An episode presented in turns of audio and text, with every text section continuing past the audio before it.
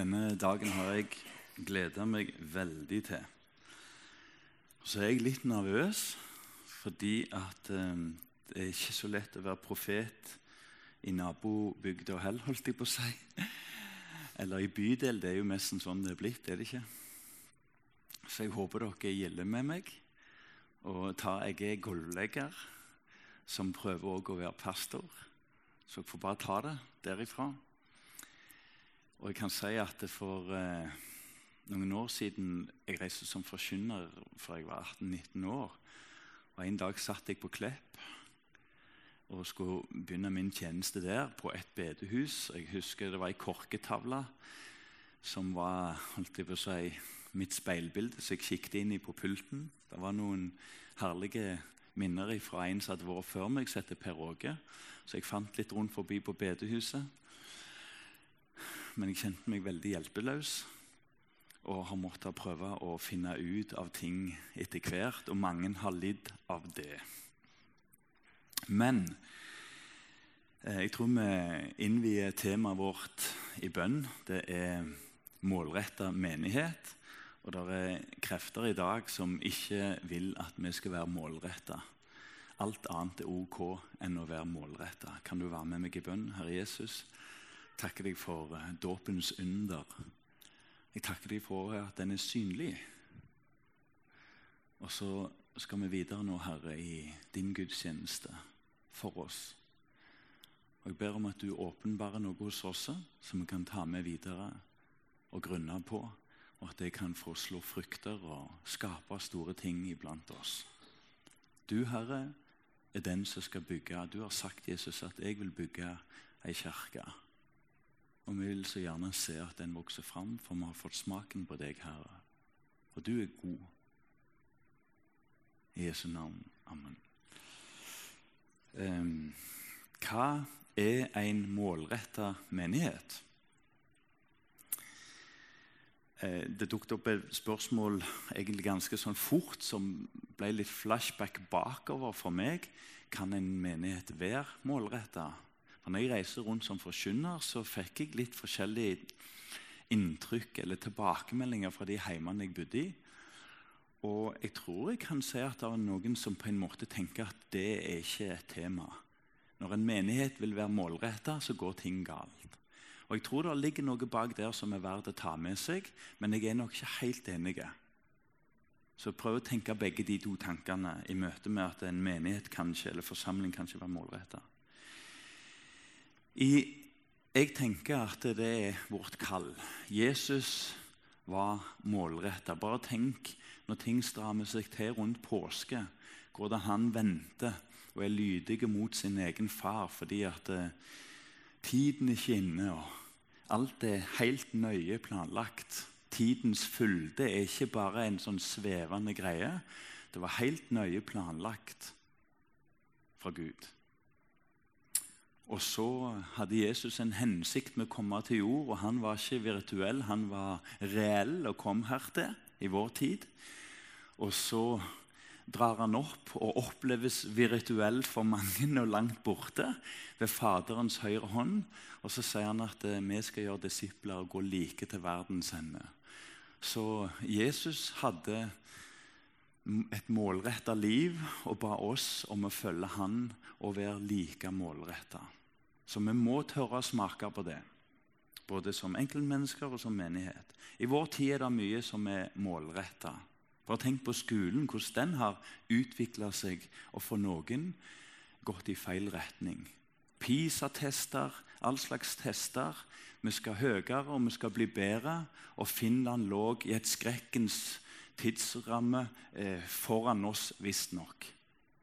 Og resten av samfunnet er veldig til å måle statistikker seint og tidlig. Men så er det òg en tidsånd med det å måle.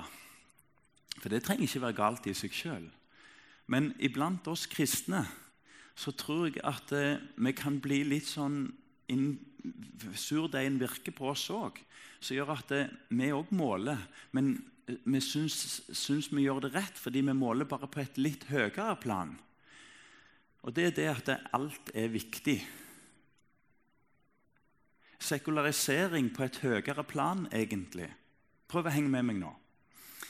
At eh, Sekularisering det er jo på en måte at alt er like viktig. sant?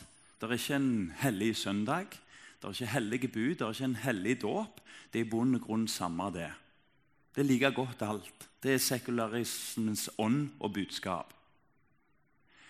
Og den opplever jeg kommer inn i mitt liv og i menighetslivet veldig fort. Det er, det, at det, det er ikke det at ting er uviktig, men det at alt er like viktig. Og Da begynner det fort å tåkelegge det aller viktigste. Så vi er egentlig langt på vei sekularisert, kanskje litt på et høyere nivå. At vi klarer ikke stake ut en retning, for vi roper til hverandre hvor viktig alt er. Før jeg går videre på det, så har jeg bare lyst til å gjøre litt sånn refleksjoner av noe vi jobber med hos oss, som går litt, som er viktig for styret å ta tak i, og det er viktig for, for forsamlingen å bli med på. En målretta menighet må forløse gaver. Og det heter ikke å finne dem, men det heter jo å elske dem fram. Er ikke det et flott uttrykk? At det, folk kjenner at det, den som står og spiller på en fløyte, kjenner seg elska fram. Ikke bare som en, en nyttig idiot for å fylle en rolle. Men vi driver det fram, og vi elsker det fram. Så jeg tror det er helt avgjørende at vi har en ånd iblant oss som lar folk få prøve seg, og så får de kjenne at jeg er på rett plass etter hvert. Og det må de få hjelp utenfra av og til til å finne ut av. Jeg tror at en målretta menighet må lete etter nådegavene hos seg sjøl. De er der. Jeg tror en god menighet, forsamling, må prøve å tenke og jobbe litt mot å lete fram ledere. Vi lever i ei tid nå der egentlig jeg kjenner meg ikke komfortabel. Det er masse artikler som, som er, er, på jakt etter noe viktig, men som på en måte gjør det tøffere og tøffere å stå fram som leder. Det var en som sa at vi har to politikere i dag. De som lever helt korrekt, og de som ikke bryr seg. Oss andre som er litt i midten, tør ikke bli politikere i dagens samfunn. Og jeg har lyst til å si at Rent sånn ledermessig så kjenner jeg òg på det i forsamlingsøyemed.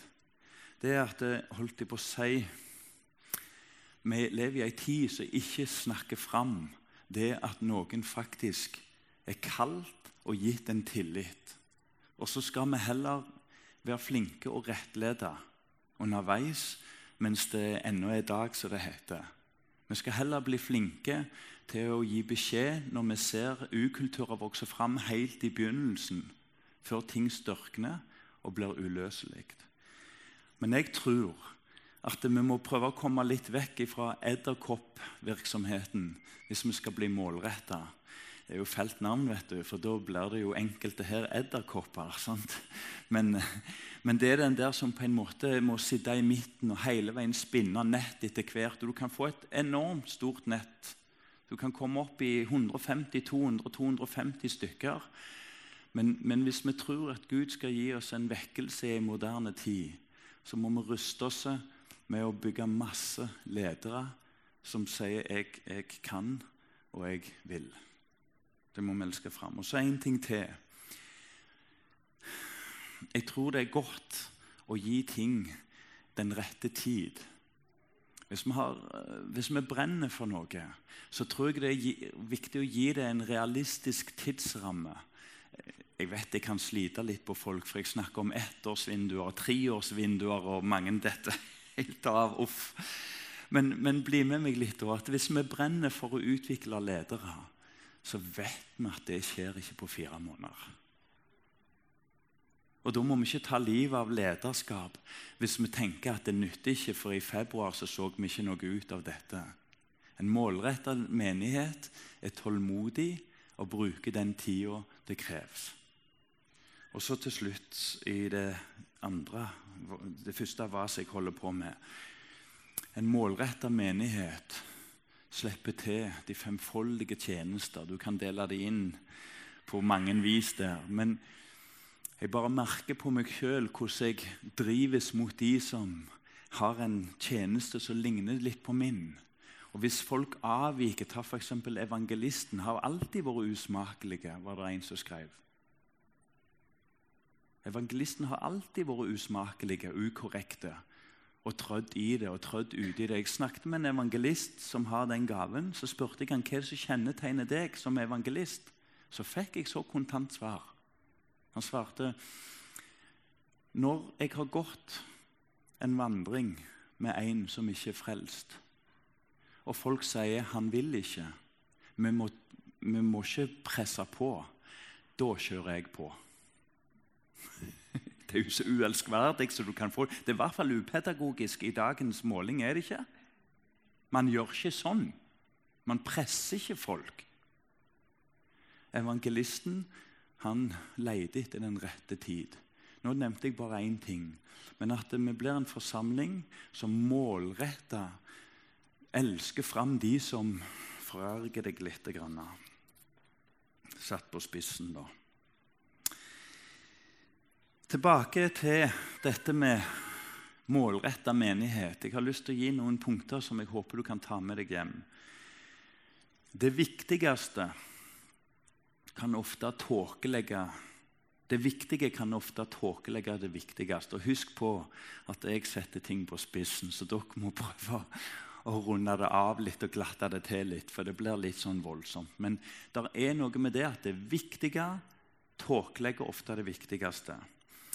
Eh, en, jeg fikk en kikkert, og vi ferierer en plass der det er et vann med noen ender og ditt og datt, og det er min fars store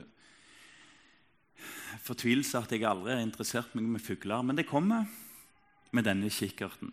Men så er det et problem, sånn på stativ som du sitter og kikker i. Og det er det at jeg kan miste øyemuslingen. Vet du hva det er? Jeg måtte jo google det, for jeg trenger jo å kjøpe den. For den er så dyr, den kikkerten, at jeg, jeg vil ha den. Øyemuslingen. Det er den som du legger øynene inntil. Og hvorfor det heter musling, jeg har ikke peiling. Du legger øynene inntil den. Og Det er nesten ingen som bruker den. Alle går borti og ser bitte litt, og så går de vekk. Fordi at det, det kommer så mye forstyrrelser inn fra sida. Og når jeg skal se på f.eks. en fugl, så er det jo kjempeviktige ting rundt meg. Familien er rundt meg, kjempeviktig. Eh, lyder er rundt meg, kjempeviktig og så blir jeg forstyrra. Og der tror jeg mange kristne kan kjenne seg igjen. Det er det at det, det er ikke kraft i livet vårt. Og det er heller ikke kraftfull retning i menigheten fordi at vi likesetter alle ting. Hva er da viktig? Tenk på Samuel. Det var jo ei lukke at det var det navnet i dag. Som henga seg helt og fullt til tempeltjenesten. Og Jeg tror mange menigheter i dag sliter fordi det ikke er en full og hel hengivelse til menigheten. Det blir faktisk satt opp mot veldig mye annet og satt som lik verdi. Og vi skal følge med. Og det har vært gjort forsømmelser. Og det er familier som er for, forbigått. Men vi begynner å gi hverandre et bilde over at alt skal gå opp. Som om misjon er et regnestykke som gir et likt tall til slutt. Lidelsen, slagsidene, følger for den som vil tjene helt og fullt. Og Det følger òg for en menighet som tør ta en retning. Og det er en smerte å stå der. Samuel gikk helt og fullt inn. Jeg har lyst til å utfordre til en ting. Og Det er dette herrene som gjerne kalles for frihetens forbannelse. Mitt inntrykk er at veldig mange kristne sliter med det, og kanskje har mer frihetsmuligheter enn noen andre. Vinduet må alltid være åpent. Mulighetene må ligge der. Meg og Vigdis har prøvd å sagt til hverandre vi har i hytta, og vi har sagt det at den drar vi ikke på når det er fokus ferdig skrevet i stein, vil jeg nesten si. Og det er en enorm frihet. Jeg håper det er en frihet og en trygghet for de som er rundt, at ikke de er usikre på at å ja, det er meldt fint vær på mandag fram til søndag skal tro om Aslak kommer eller ei. Sånt er utrolig lite inspirerende for andre. Men det er òg enormt frigjørende å slippe å gå inn på Yr og overhodet ikke bry seg med hva vær det er her eller der, og tenke så jeg skal til gudstjeneste, takk og lov. Det er noe der. Når du og jeg tenker at én tjeneste i halvåret for folk flest Husk på for folk flest, ikke for alle. Men når du og jeg tenker at jeg kan være med en gang i halvåret, så må vi spørre oss om det er et kall, eller om vi egentlig er øyentjenere.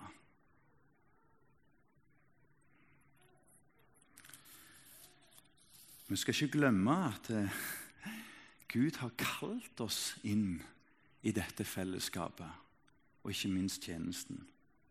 Jeg har lyst til å ta et videre punkt som kan oppstå når vi på en måte prøver å nistirre inn i en kikkert, og alt velter inn fra sidene og så sier hvor viktig det er. Jeg kan bare nevne for min del. Jeg har blitt veldig minnet på hvor viktig det er at jeg er på fotballbanen som trener. og Jeg syns det er kjekt, men jeg tror jeg kan si rett ut verken jeg eller Guds rike har ikke fått så mye ut av det. Men jeg vil så gjerne leve opp til alle forventningene. Jeg sier ikke at du ikke skal være fotballtrener, men jeg opplever at Gud gir meg treffpunkter uten institusjoner. Uten forventninger hver dag. Jeg trenger ikke følge alles forventning om at der har du treffpunkt, og der skal det skje. Gud han har jo ferdiglagte gjerninger. Så vi må spørre oss hvor vil vi være. Og det kan være på et fotballag. En annen ting som er viktig her, det er frelse i vår tid. Og det ser vi altfor lite av. I Bibelen så står det at eh, frukten skal, treet skal kjennes på frukten. Jeg har jo et frukttre oppe i Kleppeverden. Stakkar tre. Åh, jeg har null kjærlighet til det, og far river seg i håret. Men han har sagt jeg skal, jeg vil, du må ta det sjøl, sier han. Han er jo pedagog. Og I fjor var det plommer, tro det eller ei, men det var mot alt. Det er på fruktene treet skal kjennes. Ser vi mennesker bli frelst? Ser vi mennesker bli frelst? Jeg hadde lyst til at vi skal se en liten video som jeg fikk av ei jente som ble frelst for to-tre uker siden. Klarer vi å få opp den videoen? Er vi klare, eller? Jeg vil gjerne fortelle dere hvordan jeg ble kjent med Gud, og eh, hvordan jeg lærte å slippe han inn i hjertet mitt. Jeg har eh, hatt en veldig turbulent barndom som har gjort at jeg har flytta veldig mye. Jeg har ikke følt at jeg har hørt til noe sted nå, spesielt i senere tid. Så når jeg kom til Stavanger, så fikk jeg jobb her. Ble kjent med Kristin, og jeg nevnte til hun at jeg trengte en plass å bo. Jeg ble introdusert for Anne og Stine, og de tok meg imot med åpne armer. Når jeg flytta inn til de, så hadde jeg ikke troen sterkt i det hele tatt. Jeg trodde ikke på Gud. Jeg, eh, jeg har alltid trodd at det var godt og ondt i verden, og at det var noe mer mellom himmel og jord enn det vi vet og kan se. Eh, men jeg spurte mer om troen til de. Jeg spurte historien deres. Jeg spurte hva slags eh, måter de levde på da, for mm. når de hadde troen så sterk som de hadde. Um, den ene dagen når hun, Anne fortalte om sin historie, så avslutta hun med at uh, Janne, uh, vi kan be for deg hvis du vil det eh, i lag og be Jesus komme til hjertet ditt. åpne hjertet ditt hvis du vil. Og jeg sa ja. Jeg trengte ikke å forandre meg for han. De dømte meg ikke i det hele tatt. Jeg har gjort sykt mye dumt i livet, og mye jeg angrer på, men jeg vil alltid være elska av Herren uansett. Han tar meg for den jeg er. Jeg trenger ikke å lese Bibelen tusen ganger og kunne den ut og inn for å bli akseptert av han. Jeg må bare ta han inn i hjertet mitt. Jeg har gjort det. Spørsmålet om dere vil det? ikke det herlig? Hun er nyfrelst, så hun spør om du vil bli frelst. Hun er jo helt ko-ko. Spør om du vil bli frelst her rett inn i bedehuset. Ja, fordi hun har sett Jesus. Og alle må bli frelst. Jeg er frelst. Alle må bli frelst. Hun forteller om at hun har møtt noen som lever et annet liv, som ikke hun har sett før. Jeg syns det er så spennende. Så hun akkurat blir frelst. Jeg har bare lyst til å si en ting at vi kan Vi må ikke snakke ned og drive fram ledere. Vi må ikke snakke ned og organisere sånn og sånn. Men en målretta menighet er en menighet for alle som tar del i at mennesker skal bli frelst. Nå skal jeg gi dere et bilde som jeg fikk av en på Bryne her. Um, vi må lære å spille sjakk uten dronninga. Jeg kan litt sjakk, men når jeg har mista dronninga, da er det da er det, det må være en helt nybegynner hvis jeg skal klare å vinne. Jeg er helt ferdig. Fordi det forsvarer jeg meg med, og det angriper meg og det er egentlig alle de andre handler om, om hvordan jeg til slutt slår til med dronninga. Så da vet du hvordan jeg spiller sjakk. Men sånn er det for mange. Mens Carlsen og co. de gjør gjerne et dronningbytte før det er, liksom, det er en del av deres plan. Og det er noen dronninger i Guds rike som har vært der. Teltmøter, vekkelsesmøter, arbeidsformer, gudstjenesteformer, verktøyer som har brukt. Og ikke bare det, men ånden òg har kommet som en vind og blåst gjennom dette landet som ei dronning. Og vet du det? Det begynte egentlig ikke med at jeg ringte hun. Det begynte med at jeg ringte en, så spurte jeg du om du kjenner noen som er frelst. Ja, for to uker siden. Hvorfor gjorde jeg det? Jo, for jeg visste at han og hun, det ekteparet, lever sånn at det, det er ferskvare innenfor fem-seks måneder hele veien. En som heter Kristian, en god venn av meg. Jeg spurte han, hva kjennetegner de 50 cirka, som ble frelst der du bodde for, det var for noen år siden. Ca. 50 ungdommer og voksne. Hva kjennetegner de som er bevart, og de som nå er falt fra? Så sa han jo, det er rart du spør, det er kjempetydelig. De jeg fikk lese Bibelen med én til én, er i dag troende. De som ble med pga. andre omstendigheter, fikk ikke rotfesting ikke det spennende?